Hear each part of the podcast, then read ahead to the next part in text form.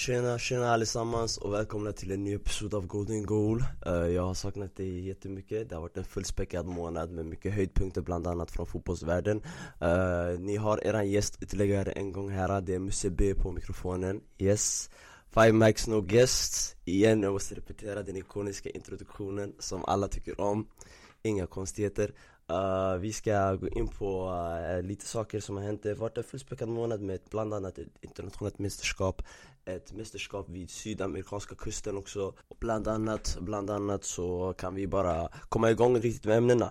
Jag tänkte börja med Uefas beslut att ta bort bortamålsregeln på uh, mästerskap som de är ansvariga för bland annat vid Conference League som är ny, lite modern men jag tror inte många relativt har en åsikt kring den riktigt än. Äh, Vi har Champions League självklart och vi har ehm, Europa League.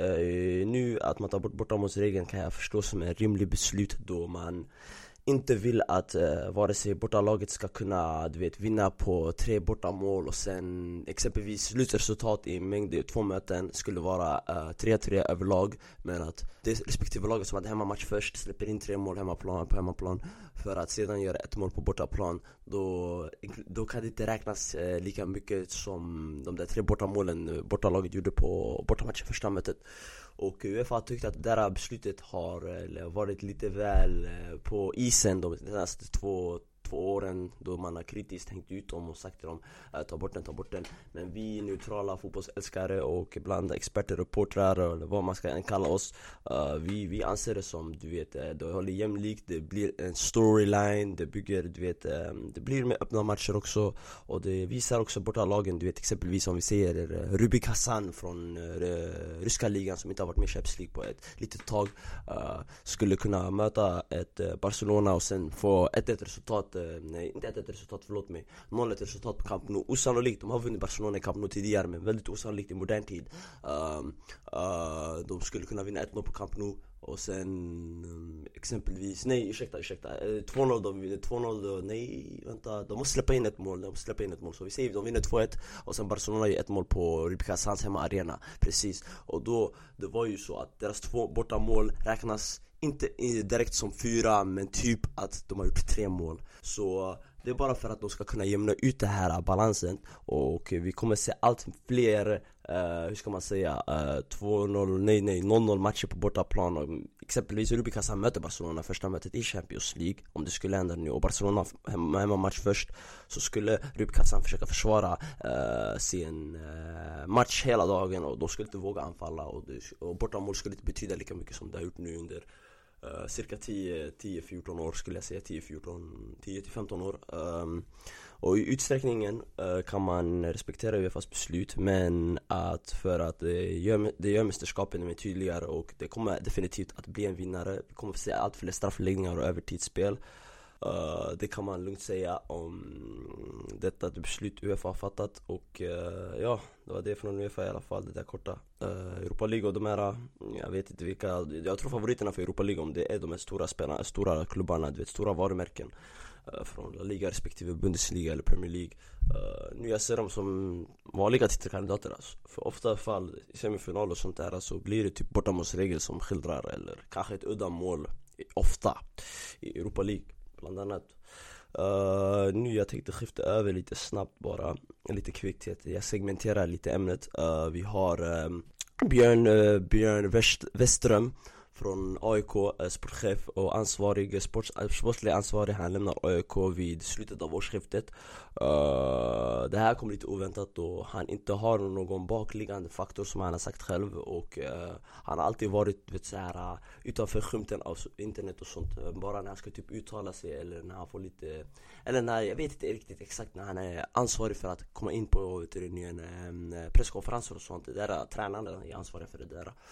Och um, han har varit ansvarig för att AIK, han har varit, han har varit med AIK i 22-23 år. Uh, Först inledde med ungdomslaget, seniorlaget, akademilaget, ansvarig där uh, Steg upp i rank, uh, blev aldrig tränare har jag för mig.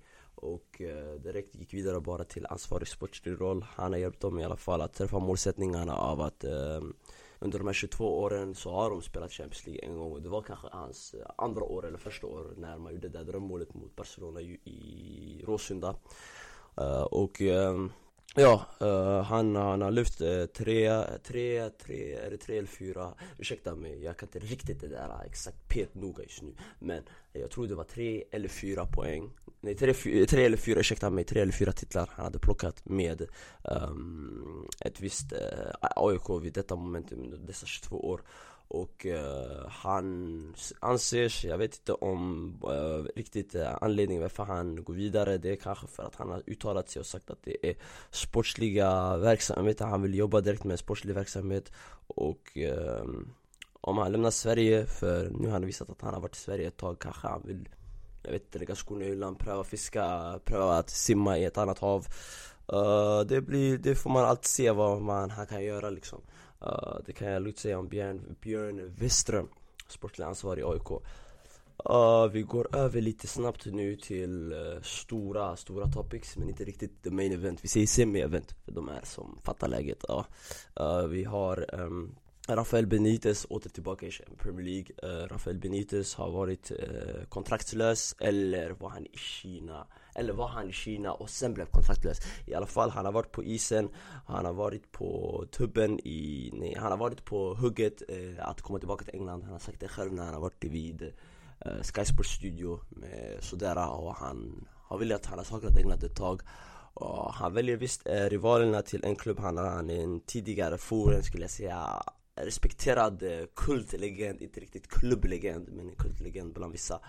Uh, han väljer Merseys, andra sidan av Merseyside och det är Everton. Everton som gjorde sig av med Carlo Ancelotti, inte de gjorde sig av med Carlo Ancelotti, ursäkta mig. Ancelotti som fick ett erbjudande från Real, uh, hans agent förhandlade för honom och uh, han är Real, om jag inte tagit upp det tidigare, han är Real tränare nu i tre års kontrakt och för tredje gången också, tre, tre gånger, tre, tre gånger så tydligen man får önska Ancelotti lycka. Uh, hans tid i Everton var riktigt, ärligt talat, det var en antiklimax. Uh, han borde ha i alla fall fått ett år till i alla fall med den här truppen För inledningsvis av den säsongen, de var ju outstanding. Sen det började dala bara, ojämna prestationer, kan inte vinna matcher hemma Si och så. Uh, Men uh, så blir det ibland med stora tränarna. Men Carlo, nej, Carlo, förlåt, Rafael Benitez, ursäkta mig. Rafael Benitez. Um, han kommer tillbaka till England som mycket erfaren. Han har varit i Newcastle innan. Jag har alltid tyckt han har varit för bra för nedflyttningshotade klubbar med eh, ägare som inte sätter upp tydliga målsättningar. Och eh, annat eh, som exempelvis Newcastle där han var innan. Och han är inte riktigt den där stjärntränaren som kan behandla uh, världsspelare, de, de bästa spelarna i världen Jag tror inte heller han kan riktigt uh, coacha dem på sådant sätt som de söker för de är väldigt krävande de med idrottsmässigt i sådana sammanhang. Uh, uh, Men jag ser en flytt som Everton relativt perfekt för honom då han kommer att definitivt få dem att bli mer stabila där bak. Han kommer definitivt plocka mer poäng mot dessa lag de tappade poäng mot förra säsongen och det var mot de här mitten, mittenlagen mot, eh, mitten mot ingenmansland-positionerna mot bottenlagen ungefär. Så uh, jag ser Carlo Ancelotti som en högligt kompetent tränare. Han kan få det bästa ut av deras centrala mittfältare. Abdoulaye Doucouré, bara tanken av att hur han kan omvandla honom till Jag vet inte, kanske en Mascherano kanske. Uh, för de, de, de har inte liknande spel, nej inte på sådant sätt uh, Han är lite mer bollskickligare än vad Mascherano var, Abdoulaye Dukore men men det här tvåvägsspelet, alltså han har en bra eh, funktion av att använda tvåvägsspelare och göra dem till antingen destroyers med sexor, sittande, vilket scenario som helst. Allan, bara tanken, Godfrey, Godfrey kommer bli ännu bättre än vad han var förra säsongen när han var Evertons kanske jämnaste spelare efter Calvert Lewin Och um, ja, det var det Carlo Ancelotti, uh, eh, det finns mycket att hämta från Carlo Ancelotti uh, eh, Jag tycker om han personligen, uh, men han har aldrig varit gjord för stora klubbar. Riktigt stora klubbar, stora varumärken. Och det var en annan klubb i England nu som vi ska skifta oss över till lite lätt och det är vid London uh, North London. Uh, Vi har Tottenham där som har uh, inte avta- avslagit uh, idén av att ge Ryan Mason permanent kontrakt. Och de har varit lite lite på dala is där Antonio Conte också har lämnat Inter som jag tror jag har pratat om i min förra episod. Och gå och checka in den om ni är intresserade.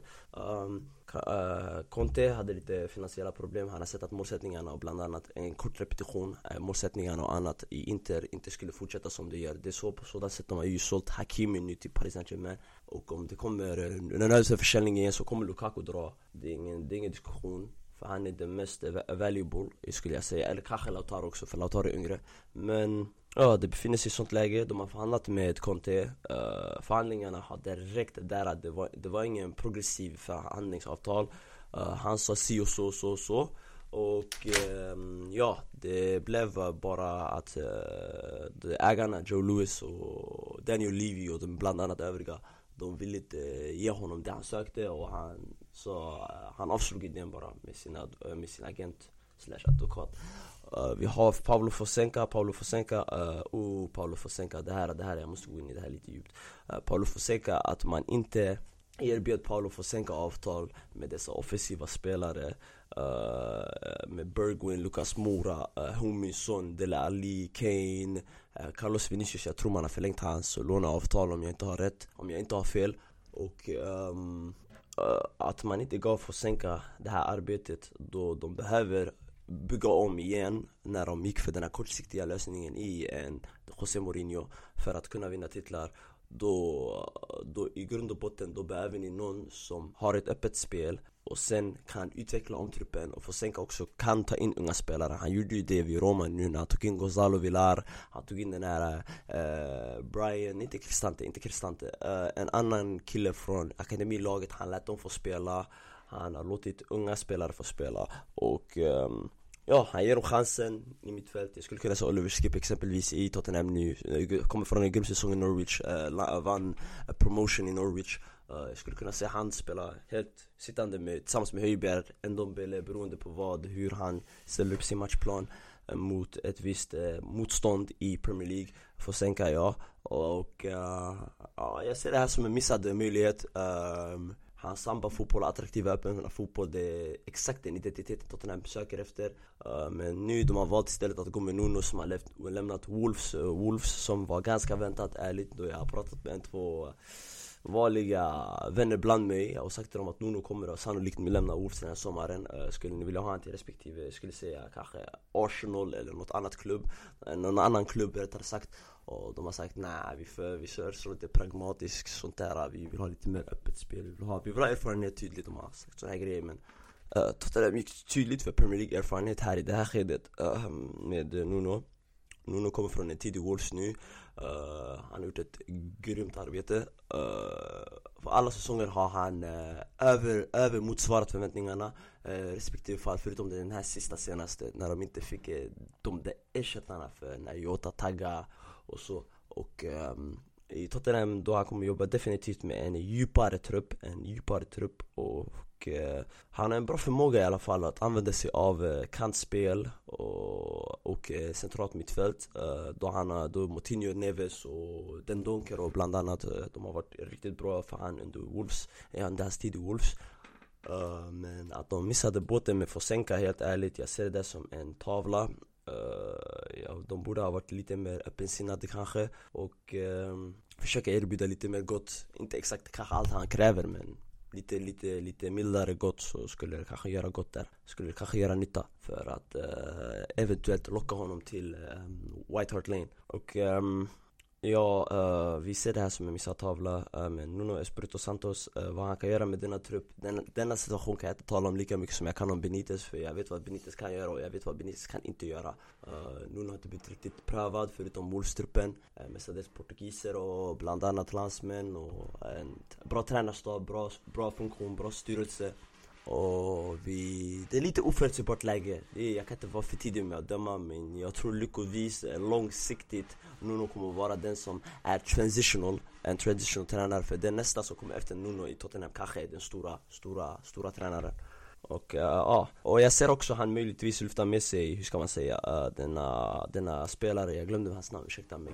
Uh, Raúl Jiménez, jag ser han drar med sig Raúl Jiménez till Spurs om uh, Manchester City lägger det där uh, budet som Tottenham söker efter på Harry Kane och um, Ja, jag ser han lyfter bara in Jiménez Jiménez också skulle vara riktigt bra i Tottenham Jag tror att eh, uh, Utrana skulle få mycket mer poäng med Jiménez på topp än Harry Kane Uh, inte för att säga Harry Kane är självisk eller någonting men jag tror ni hajar läget. Uh, Jiménez är bara sån anfallstyp. Och um, ja, det var det från, lite kort från tränarbytena uh, bland annat med de tränarna.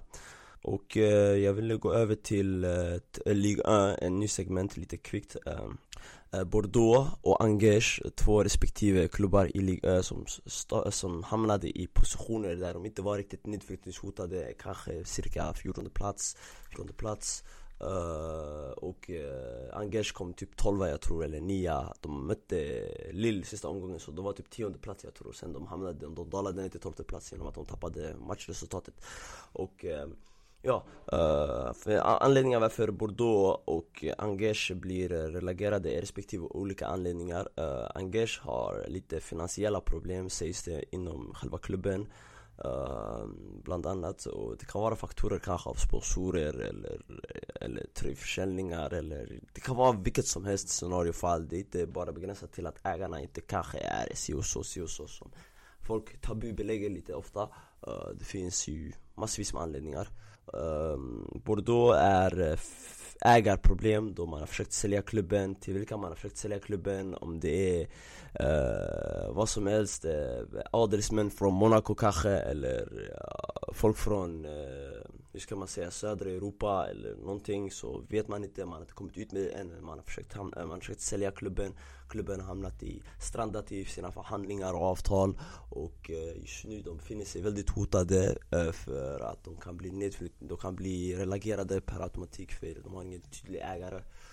Eh, det är bara trist liksom det där med Bordeaux helt ärligt. Angers är lite du vet de dalar upp och ner från Ligue 1 till Ligue 2, Ligue 2 till Ligue 1 Äh, men Bordeaux är en, en traditionell, eh, traditionell respekterad ligaklubb skulle jag säga Med inga kontroversiella, grova kontroversiella eh, historier bakom sig. Och äh, de hade en tid när de var med i Champions League också med Mikael Siani, Shamak, Gorkuf bland massa andra spelare, glömt namn på dem. Kanske, nej, nej han spelade i Lyon, Jimmy Briand jag ville säga. Jimmy Bra spelar i Bordeaux idag men han spelade i Lyon då. Um, Ja, uh, det är jättetråkigt när det sånt händer. Um, de får reda ut sina skäl, en, NCGG eller ursäkta mig om jag sa fel med bokstäverna. Um, de ansvariga i franska förbundet för att, det är de ansvariga i franska förbundet för att uh, kolla upp med de här och det sägs att uh, de juridiskt i, ansvariga i Bordeaux och respektive Angers har överklagat.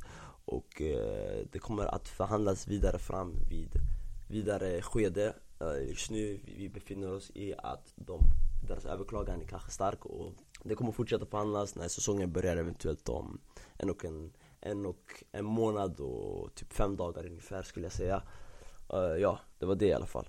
Uh, nu går vi över till den stora höjdpunkten. Uh, det, det, måste vara ju uh, ett EM-mästerskap som jag längtade efter redan förra året. Eh, men du vet, den som väntar länge väntar, den som väntar på något gott väntar aldrig för länge som sagt. Eh, och EM, EM var bara outstanding från alla aspekter. Eh, vissa lag sanningen besvek mig tydligt som väntat.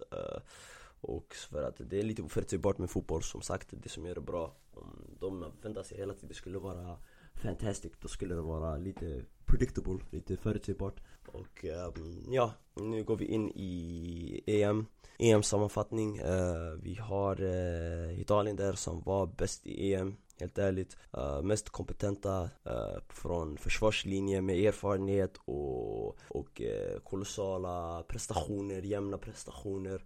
Mm, om det är att vet du, stänga ner Spaniens offensiv Även om Spanien hotade rejält dem i ett semifinal skulle vi säga.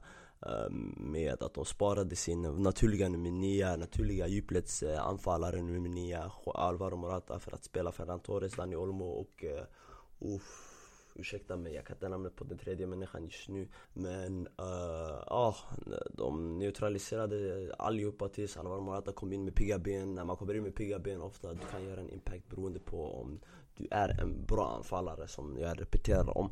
Och uh, Uh, Bonucci, Klini, de stängde ner Lukaku totalt. Lukaku hade en målchans. Uh, Spinazzola blockade den. Spinazzolas hästarna gick av. Spinazzola kommer ta hand nu efter.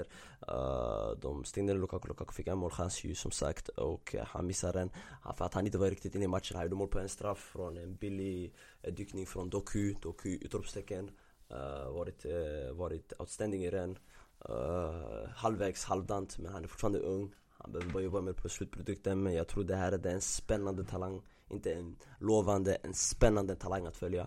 Och ehm, Ja, eh, vi skulle säga bara att uh, de senare Lukaku. Uh, Arnautovic var aningen lite mer oförutsägbar än vad Lukaku var då han har lite bättre kontroll över sin kropp och sin rörelse.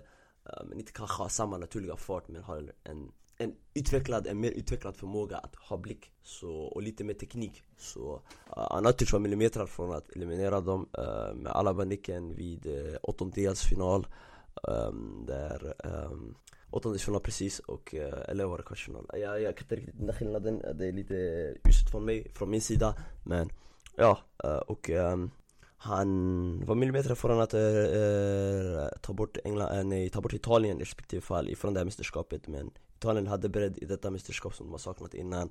Om Berardi inte presterar, eller om Berardi gör en halvdan, godkänd match respektive fall från sitt egna spel men inte gör det extra som de, dessa kantspelare och anfallsspelare behöver göra ibland Då finns det Federico Chiesa på bänken. Då finns det eh, kanske Verratti och Catelli varierar med varandra. Uh, Jorginho spelade varenda minut, han var outstanding. Uh, och, och, sen så, de hade alternativ i alla fall för varenda en. Det känns bara som att det var en kvartett i alla fall av nyckelspelare. Uh, De saknar bara typ en central anfallare, en riktig central anfallare som som har bara typ, likt en Olivier Giroud skulle jag säga Jag tror, för, jag, jag, inte för att jag är tydlig bias där men jag tror kanske en Olivier Giroud typ sådär Om Italien kunde forma fram en sån istället för att förlita sig på Immobile som Ja, givetvis eh, haft en bra historia vid klubblagsnivå med respektive Lazio och Torino. Efter det där så har han varit anonym, helt ärligt. Och ehm, eller Belotti som är också i bra klubbnivå men han har inte riktigt fått den där du vet, sista pushen i nationallaget Som alla trodde han skulle få ett tag sen Då kan det inte bli bra alls men kantspelarna, mittfältet, försvarsspelet fortfarande lovande men Försvarsspelet kommer behöva föryngring någon gång, kanske efter VM nästa år uh, Det var en tydlig sammanfattning, Spinazzola, Spinazzola outstanding. Uh, uh, Överlappsspelet, uh, inverted fullback, högerfotad, spelar på vänster sida Erbjuder mycket flexibilitet. Uh, Tyvärr, hans halshälsena gick av mot Belgien. Om han hade spelat så hade jag sett England, hade jag sett Italien ändå vinna mästerskapet. Kanske också mer komfortabelt än vad de gjorde. Uh, Vi har vi har eh, de största, okay, de största överraskarna, de, de, de, de största, bästa, de bästa prestationerna det var ju Italien. Jag skulle säga Spanien växte in i det, Spanien växte, växte in i mästerskapet uh, Efter en halvdan match, de missade tydliga målchanser. De ska ta tre poäng mot Sverige vid uh, Sevilla, där nere vid Sevilla med den där 30-40 graders, eh, 30-40 graders sol och 40% fuktighet och såna grejer. Eh, de borde vanligtvis, de spelar ju där, eh, Sarabri han är ju stor av att spela i Sevilla och de där uh, Moreno och killarna de borde bara plocka tre poängare Men en storspelande Robin Olsen totalt uh, var kolossal den här matchen och viktig. Uh, Sverige var fett passiva, det därför det var Spanien borde, Spaniens initiativ borde ha varit, varit gå dit, uh, get it for the taking. Ta allting, gå, skapa anfall, håll bollen. Det var precis det de gjorde. När Sverige har boll två minuter. De gör lite press, de trycker av, de går och hämtar tillbaka den. Sen De börjar om igen anfall. Men de petar dit in en balja i mål, Morata missar ett tydligt sumpmål. Uh, Men jag tycker ändå han är en klassanfallare. Han saknar bara den där lilla gnuttan han har den där lilla gnuttan som stör han lite Men annars han är kompetent, högligt kompetent, professionell. Och uh, uh, Spanien, Pedri, Pedri, Pedri Han växte in i mästerskapet också Efter uh, Slovakien-matchen. Var han helt outstanding. Uh, mot Polen var han relativt anonym, han var godkänd, han försökte slå de sista tredjedelpassningarna. Han fick ut av dem mycket mot ett visst Kroatien där jag tycker han gjorde ett oturligt oturligt tillfälligt, det var bara av chans att det hände att det blev självmål där Onasimo gjorde blunder. Men Onasimo spelade upp sig också. Uh, Pedri slog sista tredjedel passningar, han skapade målchans till Koke Skapade målchans till Ferran Torres. Vikirin kommer in i banan där vid den där lilla sista tredjedelen innan straffområdet för att slå en avgörande passning. Nu han gjorde det på sådant sätt ett flertalet gånger under mästerskapets gång, under slutspel. Var jätteviktigt och jätteskickligt och visade på en tydlig mognad i spelet. När han har spelat Han är 17 år gammal, eh, nej ursäkta, han är 18 år gammal jag tror Och han har spelat relativt 63 matcher. Så den där känslan av utbrändhet borde ju komma någon gång. Han spelade ju sin A-landslagsdebut med Spanien för fyra månader sedan, nu är han startman. Det är mycket tillit från en vis tränare, Enrique, jag är svag för Enrique också. Jag är svag för spansk, eh, spansk fotboll helt ärligt uh, de var bättre än Kroatien, de dundrade sönder Schweiz när en kontrovers, de fick en kontroversiell utvisning uh, Ett visst Schweiz, de fick en väldigt kontroversiell utvisning med Remo Freuler. Där man vet inte om studdarna, du vet, eh, dobbarna var helt uppe för att eh, sparka honom vid knät eller etc Och ja, jag tycker ibland VAR, de är lite för envisa med att dela ut rött kort när man ska gå och kolla på kameran när de säger till till exempel eh, dom, ansvarige domaren, huvuddomare att kolla på kameran och då resulterar det i att högsta, eh, den huvuddomaren blir så att han, han måste känna en en behov av att döma straff när det kan vara fel, eller utvisning etc när det kan vara fel exempelvis. Och ehm, ja, det var, det var det vi skulle nämna från Spanien, lite kvickt Spanien De växte in i mästerskapet, i mästerskapet där de kunde prestera och bland annat uh, göra bra prestationer uh, Vi ska påpeka också att uh, jag tycker, vem var det som var bra också där? Var det Laporte? Var det Agaya? Var det Aspuketa? Ja ah, det var Aspuketa, ursäkta mig Aspuketa var skakig mot Italien det sista mötet när han mötte Chiesa hela tiden i dueller och så och så Men det var, det var en halvdant, uh, eh, han, var, han var grym mot Kroatien, stängde ner deras hot, eh, vänsterkant, uh, han och Ferran Torres, det linkade på Apoel, även om Ferran Torres gick till vänster också, he linkade på Apoel med, vad var Gaia? Gaia den där matchen, ja det var Gaia. Uh, Och uh, han var bra mot Schweiz också, stängde ner dem. Uh, om det inte var för, ja han, hade, han hade bra match mot Zuber, Stefan Zuber som var grym mot Frans och eh, Turkiet. Uh, Ja, Spanien, uh, de växte in i mästerskapet, de spelade bäst fotboll ska jag vara helt ärlig uh, Överlag, uh, de saknar också bara typ en naturlig born killer vid uh, anfallsfronten. Och det blir lite, blir lite spänt som sagt. Och nästa mästerskap, de utmanar, de är favoriter. De är bland favoriter, i mina ögon i alla fall. Uh, och, uff, vilka fler har vi? Vänta, ursäkta. Danmark. Mm, mm, mm, Danmark har varit de som också imponerat mest också. Uh, De gick från en, en skakig inledning uh, där man, det hände en viss incident med en spelare som fick hjärtstopp och avled i plan. Och man inte fick HLR, första hjälpen, uh, första hjälpen från respektive domare, vård och ansvariga domare, nej vård och ansvariga vad heter de nu igen? Inte domare, ursäkta mig, det andra verbet i alla fall. Och um, läkare, läkare. Och sen utredningen, um, ja de skulle, de skulle, de skulle, de, de hjälpte honom på plan, de fick honom ur bår Han är i sjukhus fortfarande i sitt läge för hjärt, hjärt, operera in hjärtstoppare. Och eh, bland annat kollat på honom om det är något fel, någon bakliggande faktor. Han sannolikt kommer inte att spela fotboll igen. Då han har kanske för mycket, jag kan inte djupa mig om sånt här för det är känsliga saker. Man måste vara ömsesidig, man måste vara respektfull. Men han, han, han, han, han har gått igenom lite för mycket stress kanske antagligen. Så Eriksen ändå det är en världsklasspelare i mina ögon, i hans bästa dagar Iskallt är en världsklasspelare uh, eh, Danmark reser sig upp rejält från det här. Uh, Då Uefa fattade ett korkat beslut i mitt tycke. Eh, uh, De sa till dem att eh, spela samma dag som incidenten hade hänt, typ en timme efter Eller en timme och en halv efter. Och självklart så, det var, det var inte självklart men det var lite, du vet Det var väntat att Danmark förlorade matchen på parken i hemma, hemmaarenan uh, eh, Mot Belgien, de reste sig upp rejält, de spelade matchen med heder totalt och om det inte var för en viss inbud Kevin De Bruyne som gjorde ett underwhelming mästerskap Jag säger det igen, underwhelming mästerskap um, inte klev in och om jag har en teori om han hade startat, även om det inte är relevant eller aktuellt Om han hade startat så hade han inte haft lika samma impact med de där öppna fräscha benen. För då han hade anpassat sig till den höga pressen uh, Danmark körde med Joakim Meile, Delaney som pressade upp dem Yusuf Paulsen, Braithwaite, uh, Damsgaard. De pressade rejält sönder dem under första halvlek Och kanske borde ha sett in en till balja eller två. Uh, men Kevin De Bruyne hände, uh, han gjorde två mål, de förlorade där. Och där såg det ut som att de skulle bli eliminerade om de inte tog en, en riktigt stor trepoängare uh, på parken mot eh, Ryssland som var också inte bra alls under detta mästerskap. Eh, och uh, de fick bara igång det där ruset och, Men det var lite orättvist mot det ryska folket helt ärligt. De ville resa in några invånare för att uh, stödja uh, ryska nationallaget Och det fick de inte enligt danska fotbollsförbundet Eller regeringen i Danmark rättare sagt På grund av rådande regler kring pandemin etc Och Uh, och uh, det var så att um, Danmark gick vidare, Christensen drömde mål, Joakim Möjle han klev igen, han var grym mot Belgien. Nej han var godkänd mot Belgien skulle jag säga. Anonym mot Finland, eh, men fortfarande lagom väl. Men alla var anonyma mot Finland så vi kan bara radera den från historien. Eh, och eh, grym mot, gjorde en skillnad mot Ryssland.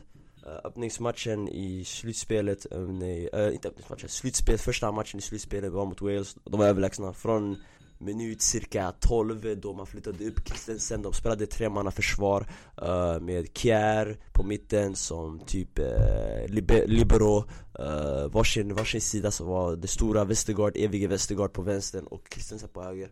Och sen framför dem så har de ju wingbacks som pushar upp Joakim Meile inverted uh, vänsterback med höger fot Riktigt bra högerfot och vänsterfot, teknik och fart. Lovande spelare.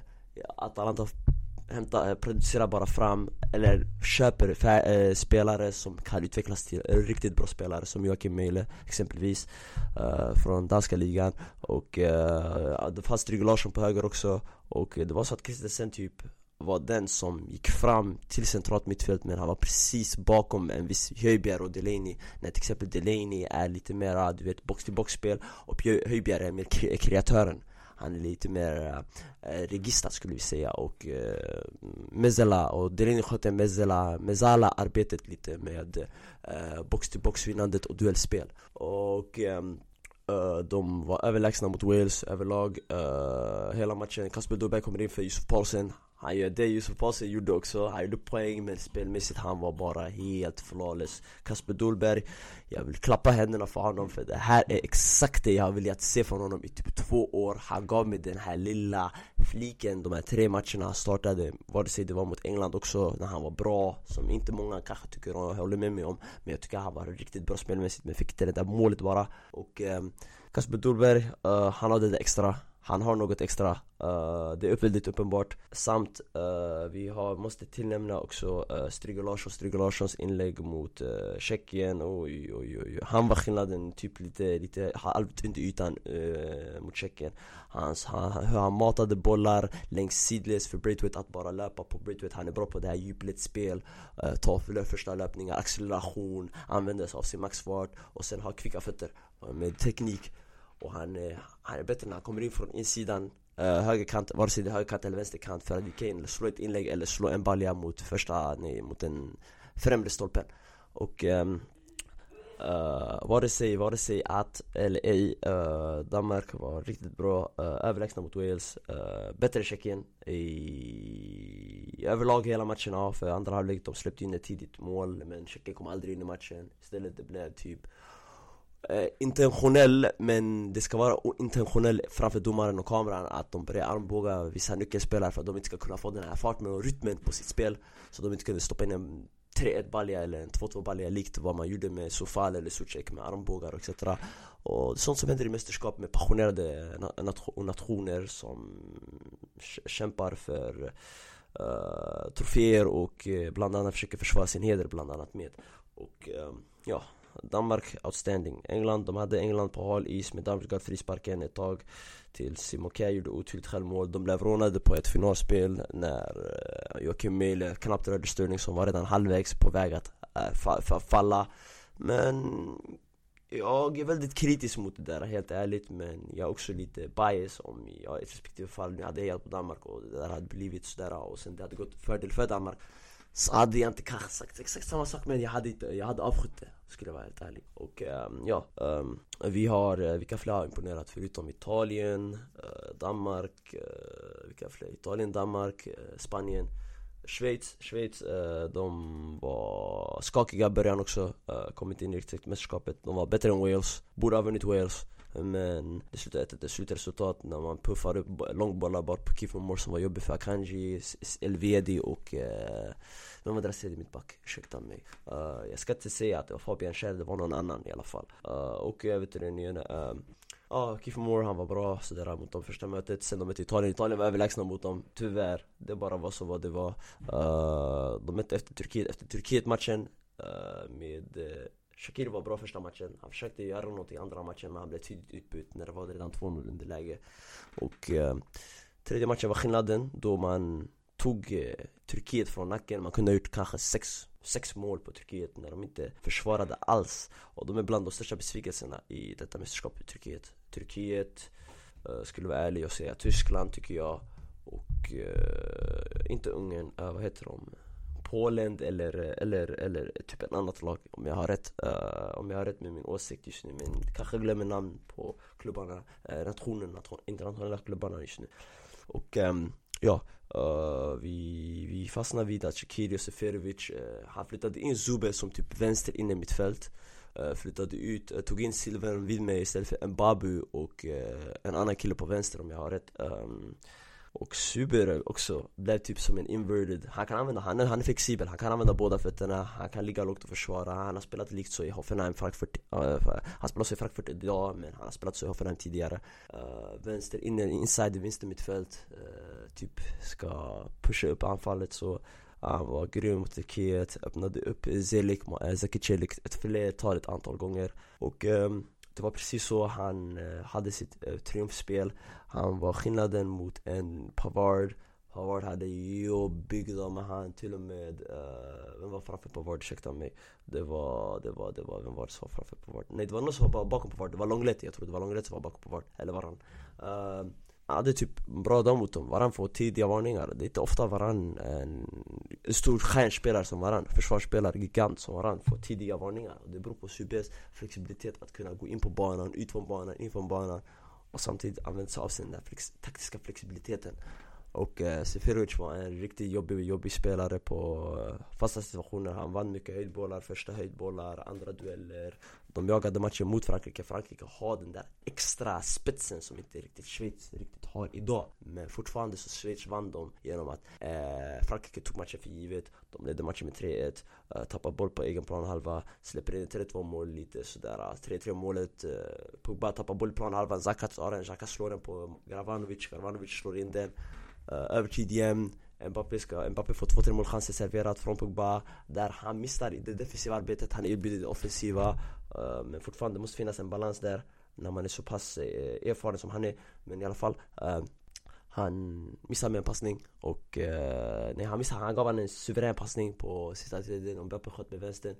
Och uh, det, vis, det signalerade typ uh, vad som skulle komma eventuellt med straffläggningen. Och Mbappé var den som missade och eh, så som det ser ut, eh, det här är bara poängtera fakta, det är inte relevant. EM, Mbappé noll mål, en assist, Grod en assist, eh, VM, de vann VM och eh, att man, inte för att säga Benzema inte är bättre än Grod, Benzema är en klass högre än vad Grod är Men Grod är fortfarande världsklass i mina ögon. Och eh, ja, eh, besvikelse, Frankrike totalt med besvikelse. Schweiz var övertygande. Vi kan flera övertygade också? Jag vill säga England övertygade men jag vet inte riktigt alltså med den där, med den där formationen och de här spelarna så Det var bra att de kom dit för sannolikt tippade många om att de skulle komma till semifinal eh, De vann semifinalen i en halv enkel väg men om ni får fördelar mer så måste ju ni ta dem så det var inget fel från dem. De vann övertyget, övertygande över Ukraina. Uh, Matchen mot Tyskland var jämn. Tyskland missade såklart chanser Havertz, Werner, Müller uh, Anfallstrion som ska sätta de chanserna de fick. Uh, Respektive scenario Havertz var grym den matchen. Jag tycker uh, Han tappar bara boll lite halvt ibland och om han slutar göra det där bara Han kan bli kanske Kakav volym version 2.0 Med lite modernare uh, spelsätt Lite mer finess. Um, och uh, de var bra i deras gruppspel, uh, de var inte bra mot Skottland alls skulle jag säga. De var godkända mot Kroatien, de stängde ner dem, den nullified. Deras mittfält Brozovic och Modric hade inga spelutvägar. Med Calvin Phillips och Rice som är på dem hela tiden. Och när de kom till anfallsfasen, Perisic kunde inte göra något mot Walker. Uh, Exempelvis Rebic kunde inte göra någonting mot Kramaric kunde inte göra något mot Maguire eller Stones. Rebic, Rebic kunde inte göra något mot vem var som spelade den här matchen Det var Trippier jag tror som inverted uh, Inverted uh, fullback när han är högerfotad, spelar på vänster sida. Uh, De var bra respektive fall, de, var, de hade det där extra också mot Danmark Som var, de pulveriserade dem en kort period, 20 minuter stund De pulveriserade dem Om inte Danmark hade bara den här lyckan att kunna försvara djupt lite lätt för, med passion och intresse. Så hade England kanske petat in en balja. Om man ska vara helt ärlig, bortsett från den där billiga straffen de fick. Uh, Det var tydligt skulle jag säga, uh, sammanfattning, har sammanfattat uh, EM-mästerskap. EM-mästerskap, jag älskar dem, jag älskar EM 12, EM 16 Folk, vissa jag har sett på sociala, in, sociala medier, internet Säga att de inte tyckte om det. Inte viktigt alls, jag vet inte om de kollade på mästerskap eller de kollade på höjdpunkter. Jag tyckte om, jag tyckte om allt. Uh, jag tyckte om det här också, det här var lite mer oförutsägbart än de andra. Även om de här, den här, det var lite jämnare för vissa klubbarna, fyra klubbarna Respektive, jag vet inte vad, jag glömde, jag glömde vad jag sa. Här, jag gjorde lite redigering. Uh, Nu sista segmenteringen, uh, vi kommer att prata om Copa America. Copa America, jag kollade bara på finalen, dåligt från mig, uselt från mig. Finalen, Argentina var bättre än Brasilien.